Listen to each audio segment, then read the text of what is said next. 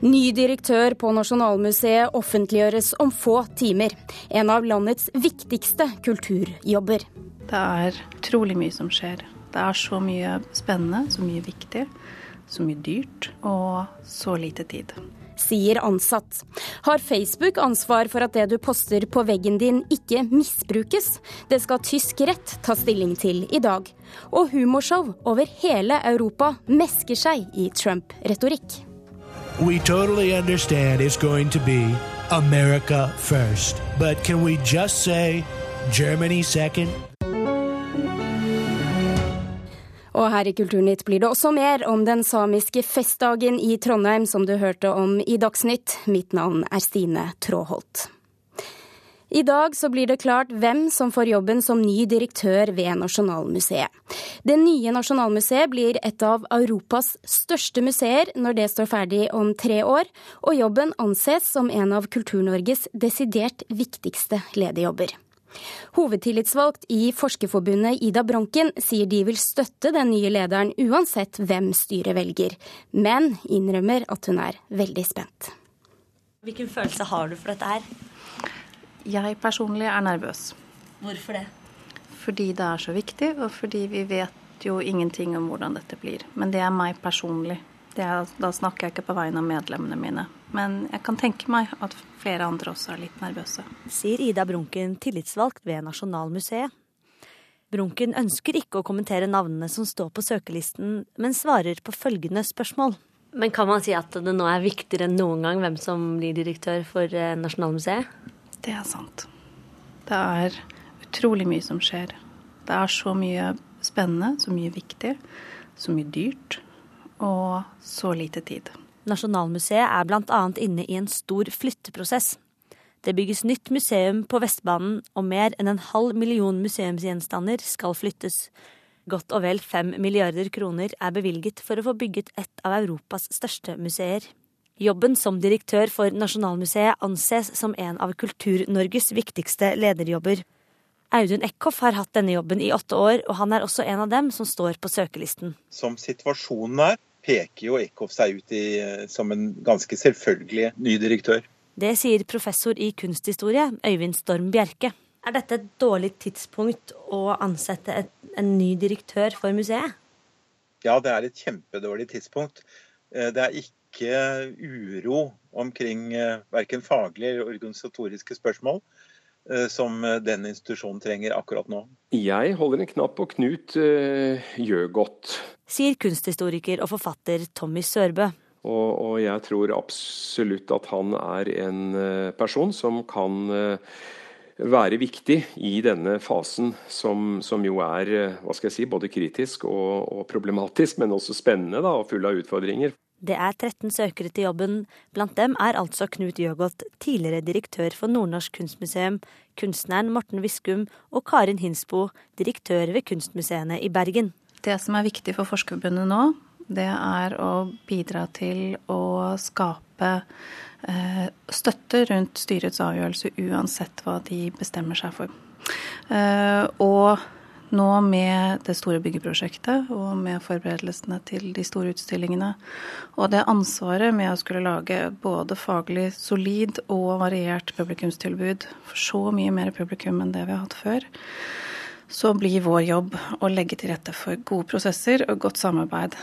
Og så holde pusten mens spekulasjonene river, og våkne opp på mandag og ta det som kommer da.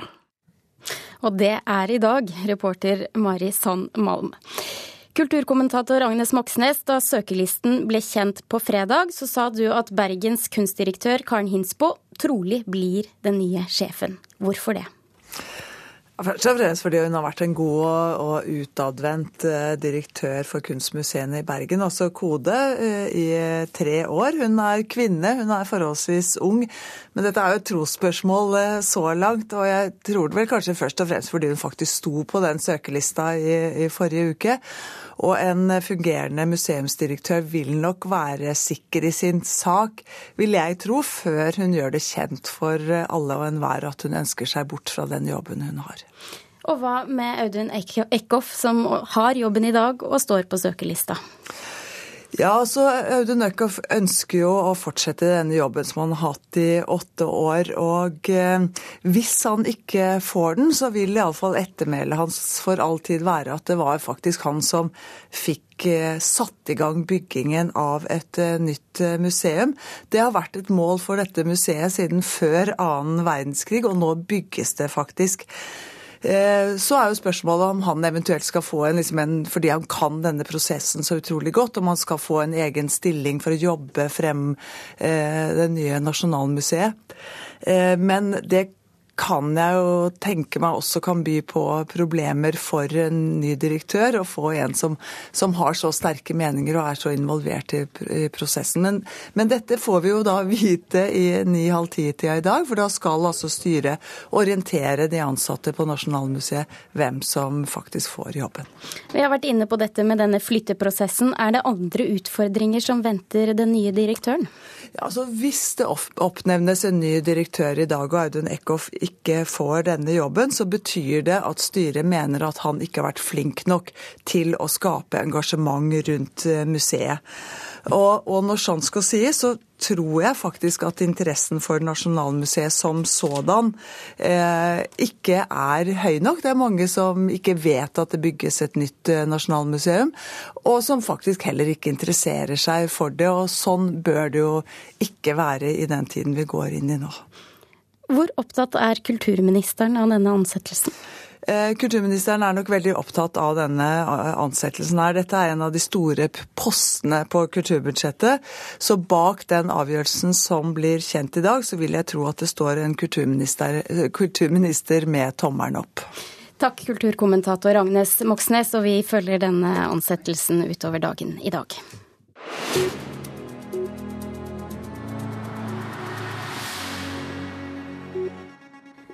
Facebook er stevnet for retten i Tyskland.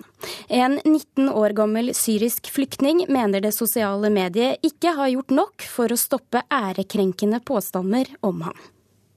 Ein einzigartiger Moment für Anas Madamuni. Er, der Flüchtling aus Syrien, neben der mächtigsten Frau der Welt. Høsten 2015 tok den unge syriske flyktningen Anas Madamuni en selfie sammen med den tyske kansleren Angela Merkel. Bildet ble ikonisk og ble brukt som et symbol på Merkels flyktningepolitikk. Men noen måneder senere begynte bildet på nytt å sirkulere på sosiale medier i en helt annen sammenheng.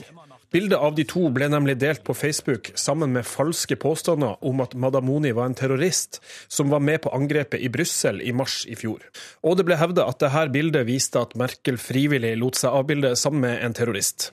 Bildet skal være delt mer enn 500 ganger på Facebook, og Madamoni mener at de er ansvarlig for ærekrenkelser. En talsmann for Facebook sier at de fjerna innholdet etter en forespørsel fra advokaten, og de mener at de ikke har gjort noe galt. Det var Oddvin Aune som orienterte her. Advokat Jon Wessel Aas, hva slags søksmål er det vi snakker om her?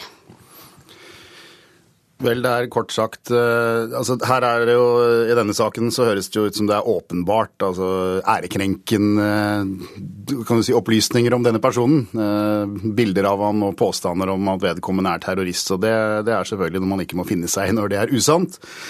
Og det er jo ikke her et søksmål mot de som har lagt ut eller delt det, for det ansvaret det er ganske åpenbart. Men det er ikke alltid så lett å finne dem. Kanskje de er i et helt annet land.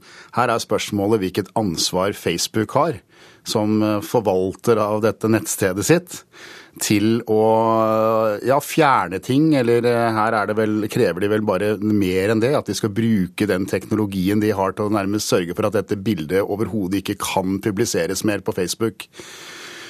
Og dette er interessant, altså dette spørsmålet om Facebook sitt ansvar. Det er flere søksmål om dette i Europa. Eh, også i Irland foregår det et søksmål eh, om litt andre ting, men, men, i prinsippet det samme. Eh, og vi har jo ikke noen, klare, vi har ikke noen avklaringer ennå. Nei, for Facebook har flere ganger vært veldig tydelig på at de ikke har noe redaktøransvar. Mm. Hva tenker du? Vel, altså det, er, det kommer an på hva man, hva man, mener med det. Eh, de har, nok, de har ikke De har ganske sikkert ikke noe ansvar for alt som legges ut der i det det legges ut. Spørsmålet er hvilket ansvar de har for å røkte eh, dette stedet. I tillegg til de som har ansvar for sine egne nett-Facebook-sider, som deg og meg. Eh, og da er det jo eh, Og der mener jeg nok at de, de, har et ansvar etter europeisk rett. Spørsmålet er bare hva som må til for at de skal unngå ansvar. Holder det at de venter til de får beskjed om at her har noen lagt ut et nakenbilde av meg eller en, en uriktig påstand, og så fjerner det? Eller må de foreta seg noe mer aktivt? Må de f.eks. med dette bildet bruke denne avanserte teknologien de åpenbart har når det gjelder alle mulige andre ting med kommersielle budskap osv. Bruke den til å sørge for at hvis det bildet legges ut, så vil systemet fange det opp og på en måte sørge for at det ikke kommer ut. Den typen spørsmål er oppe i denne saken og i andre saker i Europa. Uh, og, og, og, Facebook er Problemet deres er jo at de kan ikke De har prøvd å hevde at vi er ikke et redaktørstyrt medium, vi mm. blander oss ikke, men de gjør jo det. De har jo egne regler, og de fjerner jo bilder selv uh, etter sine egne regler. Så det tror jeg nok ikke de vil bli hørt med. Avslutningsvis, hvor stor betydning får denne rettssaken for Facebook, både økonomisk og publisistisk? Ja, altså, nå, ikke, nå, kjenner ikke jeg til hva slags beløp det er snakk om i erstatning og sånn i akkurat den saken her. Jeg tror ikke det er det viktigste for Facebook. For Facebook tror jeg det er viktig å, å prøve å avgrense sitt ansvar. Eh, fordi de selvfølgelig vil Det vil kreve mer avanserte systemer for dem hvis de skal fange opp sånt i fremtiden for å unngå ansvar. Og det er vel, det er vel derfor de kjemper imot. Takk, advokat Jon Wessel Aas. Du hører på Kulturnytt. Klokken er nå 15 minutter over åtte, og dette er nyhetsoverskriftene denne mandagsmorgenen. Økt antall dataangrep eh, og et mektigere Russland, det er blant advarslene Etterretningstjenesten legger frem i dag. Delingsøkonomien bidrar lite til statskassen. Airbnb-utleie kan gi smuler, gir kun smuler i skatt, viser en oppgave fra Norges handelshøyskole. Flere studenter bruker prestasjonsfremmede legemidler for å gjøre det bedre. 4% bruker såkalt puggedop, viser en undersøkelse gjort for NRK.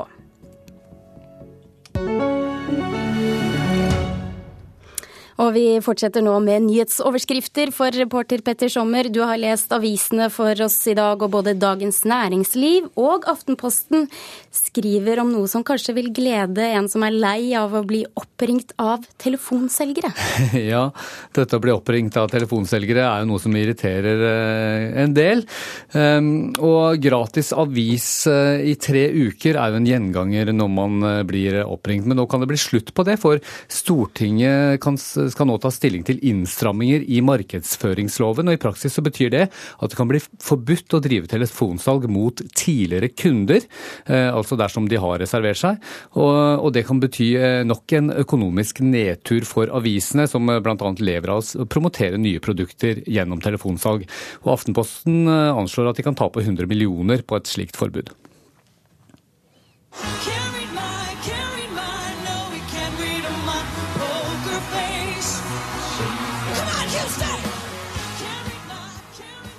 Det er lyd fra Superbowl i natt, den årlige finalen i amerikansk fotball. Og det er Lady Gaga som opptrer her i pausen.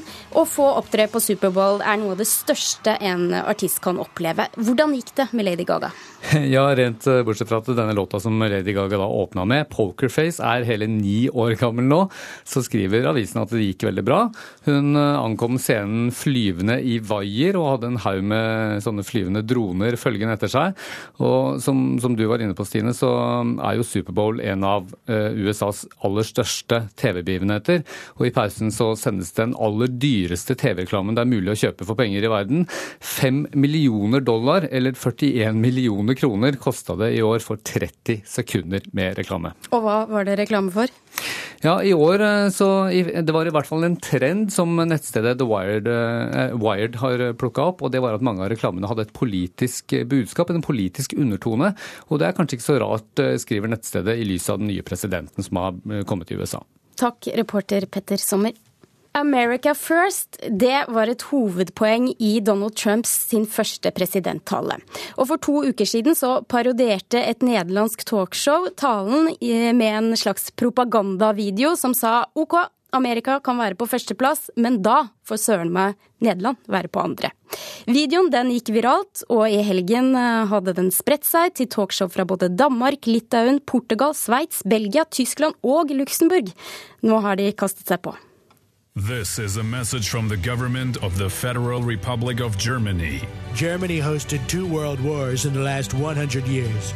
They were the best world wars in the world, and we won both of them. Bigly. Anyone who says anything else is fake news. We just wanted to tell you that we, the Danish people, not the pastry, which is delicious, by the way, you should try it. It's tremendous. Anyway, Denmark loves you. With Luxembourg on your side, just screw the other countries. In our schools, everybody learns Luxembourgish, German, French, and English, not Spanish. Only Mexicans speak Spanish, and Mexicans are murderers and rapists. Hilde Sandvik, redaktør ved nettstedet Broen XYZ. Du var en av dem som delte disse videoene på din Facebook-side i helgen, og du trakk fram den tyske. Hvorfor det? Det er jo en, er, den er ram, og den er rå på så mange vis at en blir bare sittende med en gapskratt. Og det er jo på mange måter en slags terapi nå for tida, tenker jeg, å se, se disse videoene som nå dukker opp. Jeg sitter bare og venter på den norske. Hva er likt og ulikt ved disse videoene som ble sendt nå i helga? Nei, altså, Det har jo vært Det er jo en sånn felles grunntone, og, og den nederlandske har lagt en mal eh, som, som, de andre har fulgt opp på. Eh, men med ganske spesifikke nasjonale karakteristikker. Eh, altså den, eh, den, belgiske og den tyske sammen er veldig forskjellige. Og det er ingen tvil om at ingen altså Alle spiller jo òg på denne på historisk storhet. Litauen har det samme. sant? Vi, vi bygde mur mot Sovjetunionen, vi brukte mennesker, og vi brukte til og med Latvia i men, muren. Altså Det er både en slags historieleksjon i, i hvor Europa har vandra, og så får du òg et inntrykk av hvor, hvor, gammelt Europa er, rett og slett. Eh, den eneste som jeg har sett kritisk, og det sier litt om satirens kraft, og Gates, Gates of Vienna, eh, dette eh, konspiratoriske kan en si, høyreving-nettstedet skriver om, om, denne tyske at dette har skattebetalernes penger gått til, og det er garantert en stor jødisk organisasjon som står bak. Og så virker det som, fordi jeg har sett i hvert fall, at der denne imitatorstemmen til Trump går igjen. Ja, ja han, er jo, han, er jo, veldig gjenkjennelig. Eh, og, og det, det, er jo, altså, dette er jo en sånn slags gefundenes fressen for satirikere over hele verden, det som skjer i USA i øyeblikket. South Park-skaperne har jeg sett har sagt at det, nå er det faktisk sånn at de, de vurderer å slutte fordi at satir, altså, virkeligheten overgår satiren. Og, og Dave Eggers, eh, redaktøren av McSweeney, som er et slags satirisk eh, litterært magasin, la ut her om dagen hele talen som Donald Trump hadde under Black History Month. Eh, de legger den ut helt ordrett, eh, som rett og slett som, som humor. Eh, og det, jeg, jeg tenker nå at det er en sånn Hvis ikke hvis ikke kulturen og kulturinstitusjoner og humorister og komikere nå klarer å vise at den er relevant i året framover, så, så, kan en vel kanskje pakke sammen. Men, men, hva har dette egentlig å si for motsetningene mellom de som faktisk liker Trump, og de som ikke gjør det? Eh, vi hadde jo en melding på Kulturnytt her at en Reuters-undersøkelse viste at halve USA tross alt var for innreiseforbudet hans. Nei, men altså det, det, Den type splittelsen, den polariseringen som en, som en har sett, og som en så òg før valget, blir ikke minska av, uh, av, satire. Altså det, det, det, kommer det garantert ikke til å, å, å gjøre. Samtidig så uh, virker det jo som at presidenten sjøl, Donald Trump, eh, blir òg presser. Eh, og noe av det mest foruroligende som jeg har lest nå i morgentimene, er eh, at dette her dekretet om å få Steve Bannon, sjefstrategen, inn i National Council, ikke engang har lest gjennom ordentlig av Trump på forhånd, og at dette har ført til en stor frustrasjon og stor stor eh, irritasjon. Um, og Det er jo en ganske ubehagelig melding, og det kan virke sånn at presidenten faktisk òg skvises litt av den mangelen på popularitet som en ser. Men at, det, at humoren skal føre til at vi samler oss, det, det tviler jeg veldig sterkt på. Takk, Hilde Sandvik. Det blir spennende som du sa, å se om det kommer en norsk versjon av denne parodien også. Du er redaktør for nettstedet Broen XYZ. Trondheim by er pyntet og klar for en samisk festuke. For i dag så er det nøyaktig 100 år siden samenes første landsmøte ble arrangert i Metodistkirken midt i Trondheim sentrum. En begivenhet av stor historisk betydning for hele den samiske befolkningen. Også for sørsamen Johan Stenfjell. Jeg har eh, gleda meg lenge. Jeg eh, var jo her på 80-årsmarkeringa så jeg gleder meg 20 år nå til, til 100-årsmarkeringa. Hva betyr det for dere sørsamer at man klarer å skape et så stort arrangement knytta til dette 100-årsjubileet? Ja, det er kjempemektig. Det er jo, byen har så mye historie, og, og det er kjempesterkt at, at denne samisk-politiske oppvåkninga er en del av den historien. Kjempeartig, og det er jo ærefullt. Og en selvfølge at jubileet skal være her. Johan Stenfjell er 29 år, fysioterapeut og bosatt i Trondheim. En urban sørsame yr av begeistring over dette historiske jubileet som preger byen. Jeg har lagt en plan for uka og meldt meg på arrangementer, kjøpt billetter og gjort avtaler. så det her må bli bra. Konserter, utstillinger, foredrag, bokbad og historiske vandringer er bare noe av de drøyt 120 ulike arrangementene publikum kan delta i.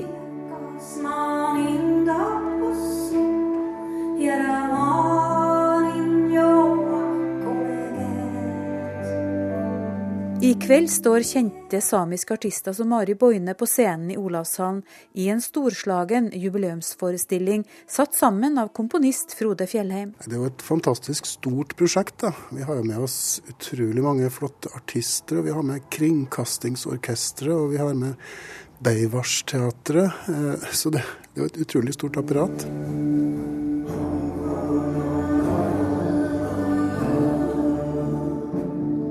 Gjennom tekst og bilder, dans, musikk og joik fortelles historier om folket ved iskanten og ildstedene. Hele konsertforestillingen er en feiring av livet. Altså, Den samiske kulturen kanskje i Trøndelag har kanskje vært litt, sånn, litt usynlig, og, men den er jo en selvfølgelig del av vår alles kulturarv. Og det er veldig flott da å synliggjøre uh, den samiske kulturen som en selvfølgelig del også av Trondheim, Trondhjems historie og kulturuttrykk. Johan Stenfjell har sikra seg billett til forestillinga, og syns det er stas at det er i Trondheim de nå feirer dette store jubileet. Ja, selvfølgelig. Vi er jo minoritet i minoriteten. Og det var jo vi som merka, merka behovet for å organisere oss først. Og det kommer folk fra hele Nordkalotten hit nå og skal delta på fest og feiring, så det blir det kjempestas. Reporter Grete Tobro.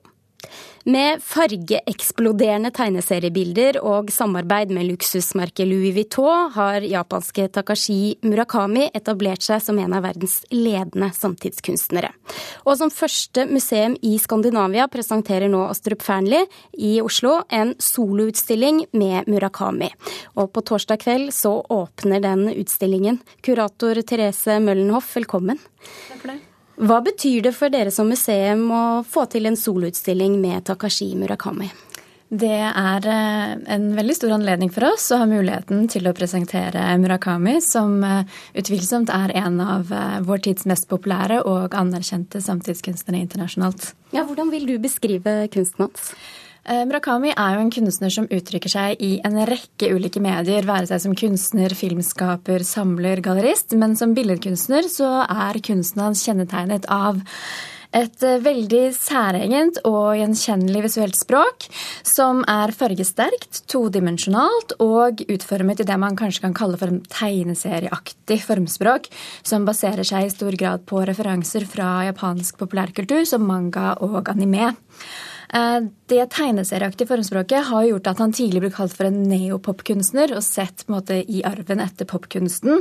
og Derfor blir han ofte sammenlignet med en kunstner som f.eks.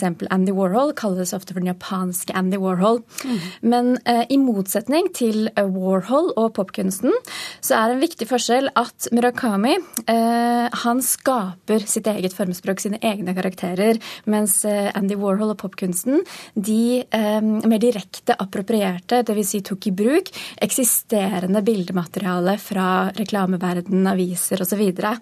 så Murakami er selv skaperen og har på en måte gitt opphav til et veldig distinkt eh, univers av karakterer.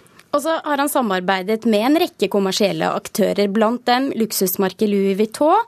Eh, mange vil jo da anklage ham for å selge sjela si, men har det påvirket eh, anseelsen vi har ham? Om noe så vil jeg si at det har bidratt til å gjøre Murakami mer kjent blant et mye bredere gruppe eh, av mennesker enn de tradisjonelle konsumentene av høykultur. Og Murakami selv er veldig tydelig på at han ikke ser noen distinksjon mellom det som tradisjonelt er regnet som en sånn høyverdig form for kunst, maleriet, eller mer populærkulturelle eller masseproduserte uttrykksformer. Han har som mål å skape og distribuere verk som forstås av alle. Og Murakami er en kunstner som jobber konseptuelt, og den måte, type samarbeider og produktlinjer som han også jobber med, kan betraktes som en videreføring av det måte, viktigste prinsippet i hans kunstnerskap, som er å bryte ned hierarkiet og kategoriene mellom ulike former for kreative inntrykk. Ja, og på, på, torsdag så er han til stede på åpningen. Hva slags type kunstner har dere med å gjøre nå? Det er jo en kunstner som er eh, enormt eh, kreativ og har en veldig, veldig Hvordan stor Hvordan er personligheten hans? Han har en veldig fargerik og sprudlende personlighet som også uttrykker seg i, eh, i, egentlig alt han gjør. Og eh, det er jo et av de aspektene som vi har valgt å fokusere på i selve utstillingen, hvor vi ikke bare presenterer Murakami som billedkunstner, men også presenterer han som samler, filmskaper eh, og gallerist. Tusen takk, kurator Therese Møllenhoff ved Astrup Fearnley kunstmuseum. Ehm, utstillingen den åpner altså torsdag kveld. Gjermund Jappé var produsent for eh, dagens Kulturnytt. Nå får du snart Dagsnytt her i NRK P2 og Alltid nyheter.